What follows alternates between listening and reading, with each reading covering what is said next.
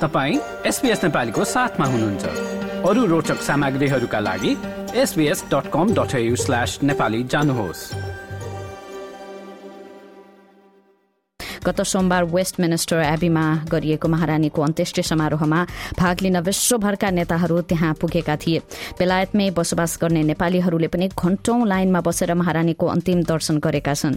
महारानीको निधनपछि बेलायतमा बस्ने नेपालीहरूले चाहिँ के सोचिरहेका छन् त बेलायतमा बसोबास गर्ने बीबीसीका पूर्व पत्रकार भगीरथ योगीसँग सहकर्मी कृष्ण पोखरेलले गरेको कुराकानी सुनौ। महारानी एलिजाबेथ द्वितीय को छ्यानब्बे वर्षको उमेरमा गत सेप्टेम्बर आठ तारिकमा निधन भएको थियो।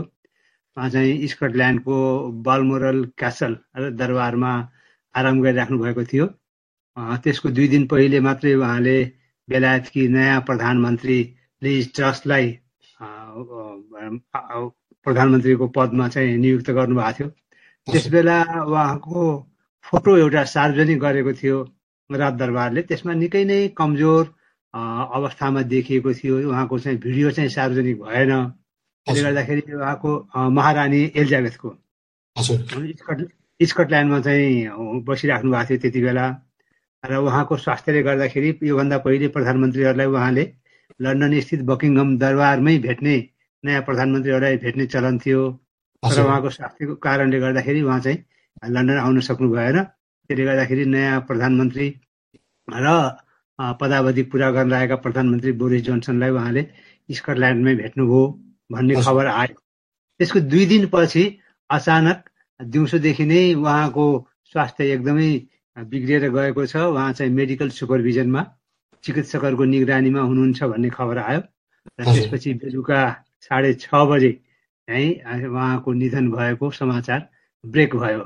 एघार दिन लामो राजकीय शोक शोक मनाइयो र सेप्टेम्बर उन्नाइस सोमबार दिउँसो यहाँको एउटा प्रसिद्ध ऐतिहासिक गिर्जाघर छ वेस्टमिस्टर एबी भन्ने।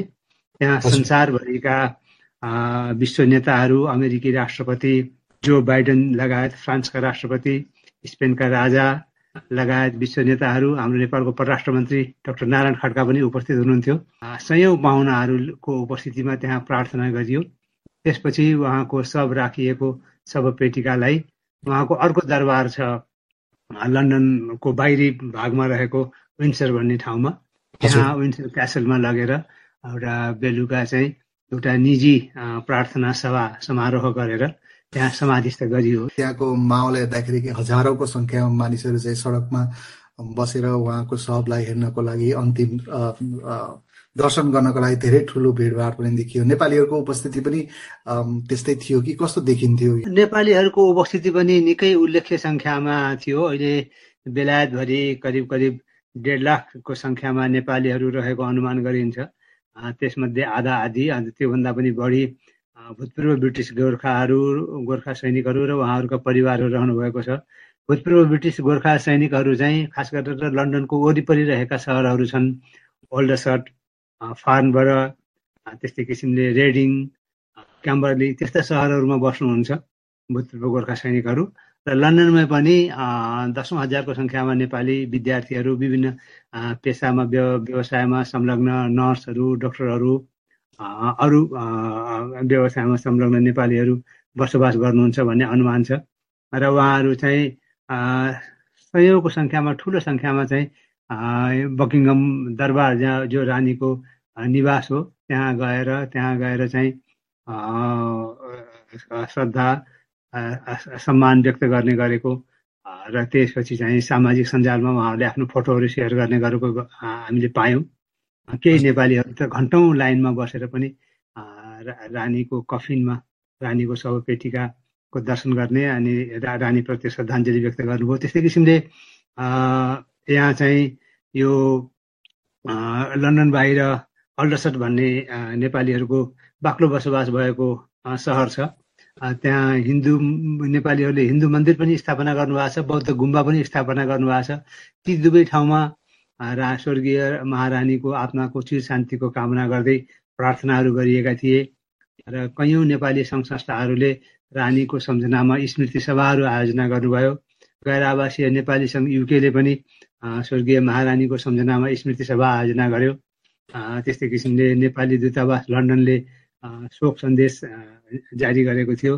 समग्रमा चाहिँ यहाँ अहिले बेलायतमा थुप्रै नेपालीहरू मेयरको रूपमा काउन्सिलरको रूपमा उहाँहरू निर्वाचित हुनुभएको छ।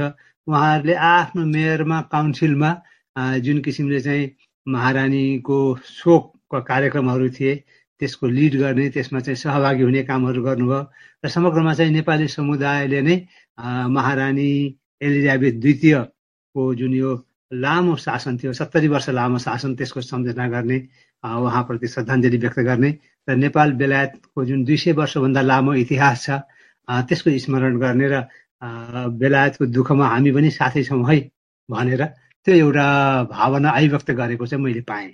महारानीलाई स्मरण गर्दाखेरि चाहिँ त्यहाँ बसोबास गर्ने विदेशी भूमिबाट आएका मान्छेहरूले चाहिँ कसरी सम्झना गर्छन् महारानीलाई? जस्तो अब यो यो बेलायतमा अहिले चाहिँ संसारभरिका मानिसहरू आएर बसोबास गर्ने काम गर्ने त्यस्तो प्रचलन छ। ब्रेक्जिटभन्दा अगाडि चाहिँ युरोपबाट ठुलो सङ्ख्यामा हजारौँको सङ्ख्यामा लाखौँको सङ्ख्यामा युरोपेली नागरिकहरू आएर यहाँ आएर बसोबास गरिराख्नु भएको थियो। त्यस्तै किसिमले इन्डियाबाट पनि आएर ठुलो सङ्ख्यामा यहाँ चाहिँ ठुलो सङ्ख्यामा बस्ने व्यवसाय गर्ने त्यसपछि गएर पाकिस्तान बङ्गलादेशी समुदायको पनि ठुलो सङ्ख्या छ। र कैयौँ इन्डियनहरू जो युगान्डाबाट खेदिए इदी अमिनको पालामा उनीहरू पनि आएर चाहिँ खास गरेर गुजराती समुदायका व्यक्तिहरू उनीहरू पनि आएर यहाँ व्यवसाय गरेर राम्रोसँग बसिराखेका छन्। त्यस्तै किसिमले फिलिपिनो समुदाय पनि खास गरेर फिलिपिनो नर्सहरू यहाँको राष्ट्रिय स्वास्थ्य सेवा एनएचएसमा ठुलै सयौँको सङ्ख्यामा चाहिँ काम गरिराख्नु भएको छ। र गएको केही वर्ष यता केही दशक यता चाहिँ नेपाली आप्रवासीहरू पनि बेलायतमा बसोबास गर्ने बेलायती नागरिकता लिने बेलायतमा चाहिँ काम गर्ने र बेलायतमा पढ्न आउने विद्यार्थीहरूको सङ्ख्या पनि फेरि बिस्तारै बढ्दै गएको छ। कमनवेल्थ भित्र पनि अब केही देशमा अब अस्ट्रेलियाकै कुरा गर्ने हो भने पनि यहाँ पनि होइन अब गणतन्त्रतिर जानुपर्छ राज संस्था अब पुरानो भइसक्यो भन्ने खालको कुराहरू पनि उठ्न थालेको छ। केही त्यस्ता अभियानहरू पनि सञ्चालन भइरहेछन्। त्यही पनि बेलायतमै पनि अहिलेको युवा पुस्ताहरूले चाहिँ होइन अब गणतन्त्रमा जानुपर्छ भन्ने खालको एक एक, किसिमको माहौलको पनि त्यहाँ चाहिँ माहौल देखिन्छ भनेर पनि समाचारहरू आइरह हुन्छन् के साँच्चीकै बेलायतका युवा पुस्ताहरू चाहिँ अब राजतन्त्रको साटो चाहिँ गणतन्त्रमा जानुपर्छ भन्ने खालका त्यस्ताहरूको त्यस्ता आवाजहरू सुनिन थालेका हुन् र? वास्तवमा कृष्णजी तपाईँले भन्नुभयो जस्तो अब यो रानी स्वर्गीय महारानी एलिजाबेथ द्वितीय अस्ट्रेलिया क्यानाडा न्युजिल्यान्ड लगायत चौधवटा मुलुकहरूको राष्ट्राध्यक्ष हेड अफ द गभर्मेन्ट हुनुहुन्थ्यो। र बेलायतमा पनि केही अब यो ठ्याक्कै कति प्रतिशत जनता अथवा युवाहरू चाहिँ गणतन्त्रको पक्षमा छन् भन्ने त्यसमा त्यति उ छैन कसैले चाहिँ टु थर्ड साठी सत्तरी प्रतिशत चाहिँ राजतन्त्र चाहन्छन्। अरू बाँकी गणतन्त्र चाहन्छन् भन्ने किसिमको तथ्याङ्क पनि थियो कसैले चाहिँ होइन। बाह्रदेखि पन्ध्र प्रतिशत मात्रै छन् गणतन्त्रवादीहरू भन्ने तथ्याङ्क पनि थियो।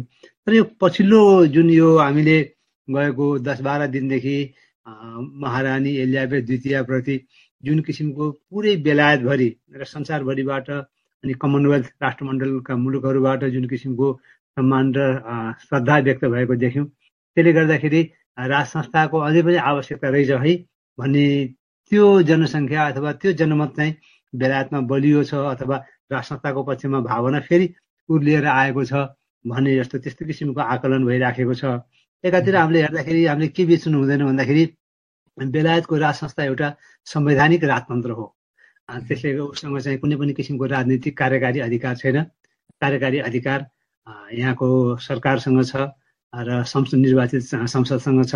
त्यसले गर्दाखेरि बेलायतको राज संस्थाले जुन सरकारले लगेर गएका बिलहरू हुन्छन् जुन सरकारको निर्णयहरू हुन्छ त्यसलाई कार्यान्वयन गर्ने एउटा सेरेमोनियल मोनार्कीको रूपमा मात्रै रहेको थियो। त्यसले गर्दाखेरि पनि the king can do no wrong भनेर जुन हामी भन्छौँ राजाले अथवा रानीले कुनै पनि गल्ती गर्न सक्दैनन् किनभने उनको हातमा कुनै अधिकार नै छैन भन्ने किसिमको जुन भनाइ छ।